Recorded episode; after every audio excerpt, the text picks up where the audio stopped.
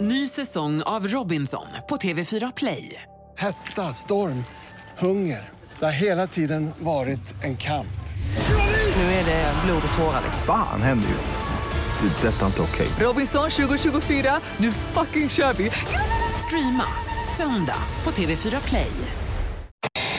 Ni har ju en helt ny regnskog och vi nämnde tidigare det här eh, nya höga trädet, 25 meter. Som är, är det också skeppat då från Costa Rica? Nej, inte riktigt. Det är Nej. skeppade från Göteborg. Mm. Ja. Det är um, ett, ett stort Pippi Långstrump-träd kan man säga. En fantastisk skapelse som är 25 meter högt som man då kan gå upp i och man kan då... Men är det ett riktigt träd? Nej, det är Nej. gjort i cement. Ja. Men för att det ska se riktigt naturtroget ut så hade vi med oss en kille till Costa Rica som tog eh, silikonavgjutningar på riktiga träd på barken. Mhm. Och sen stod han hemma och sen så han tryckte av det här över hela barken på trädet då så att... ehm, Så hade ni typ flugit ner det här era träd till Costa Rica och kört ner det i marken så hade det smält in. Det hade jag gjort. Defin- definitivt. Och vad är det för ett träd? Alltså vad Det för här är sorts ett träd? kapockträd heter det. det är, bomullsträd kallas det också för att det- de här frökapslarna blir som, som bomullstussar.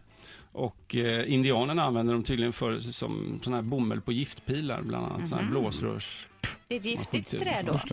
Nej, nej, nej, nej. Nej. Trädet är inte giftigt. Det är, mm, men däremot pilarna blev ju giftiga för då hade man då pilgiftsgrodor som man gör gift av. som man Ah, har Okej, sett. okej. Och, och de har ni där i... eh, Pilgiftsgrodorna har vi också. Men inte löst. Ni har ju riktiga växter i eh, Universium nu. Växer det någonting där? Ja, det växer så det knakar. Det gör det? Ja, Ja. och nu växer det ännu bättre för att i i nya regnskogen har vi installerat dimma och regn och åska. Så att det, eh, med jämna mellanrum så lägger sig dimma över hela regnskogen här, så det är väldigt fuktigt och väldigt varmt. Och vilka djur har ni representerade i regnskogen när man är där? Ja, vi har ju massor med fåglar, vi har apor och vi har ödlor och grodor och naturligtvis har vi fjärilar. Mycket, mycket fjärilar har vi nu. Och ni berättar, du berättar ju bakom kulisserna här om fjärilarna och något Mm. som var intressant. De är ju inte så lång livslängd på va? Nej, det är svårt att få dem och, ehm, att reproducera sig här. Men vi, ehm, i Costa Rica så var vi besökte fjärilsfarmer di- där vi får fjärilarna ifrån. Och där föder de då upp larver upp i träd och sen så blir de puppor och sen så skeppas pupporna över till oss och sen så kläcker vi pupporna i speciella skåp och sen släpper Men, vi ut dem. men grodorna äter väl fjärilarna? Ehm, nej, de får inte ta på. Däremot aporna kan äta fjärilarna. Ja, du. Men eh, aporna har ett eget hägn så att de, eh, vi försöker man, man skilja behöver dem inte åt. vara rädd när man går i regnskogen att man ska få en apa på axeln eller så.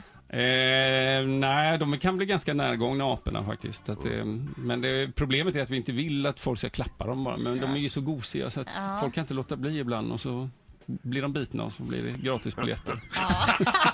Men de är så nära, det finns liksom ingen avspärrning och sådär mellan apa och människa här, utan man är de i samma miljö. De är väldigt nära. Men det är stor skillnad på Universium nu om, eh, jämfört med om du backar typ ett halvår så att man, det är väl värt ett besök till Ja, det är om man vill det. uppleva Absolut, någonting absolut. helt Ja, annat. det är det. du supertack Vi för har- att du kom hit. Ja. Ja, du, Nej, vad nej, ska säg, vi säg, säga? säg. Nej, jag, jag bara tänkte på betyget där. Vi, på premiärdagen så hade vi besök av en, av en indian som kommer jobba hos oss, Enrico.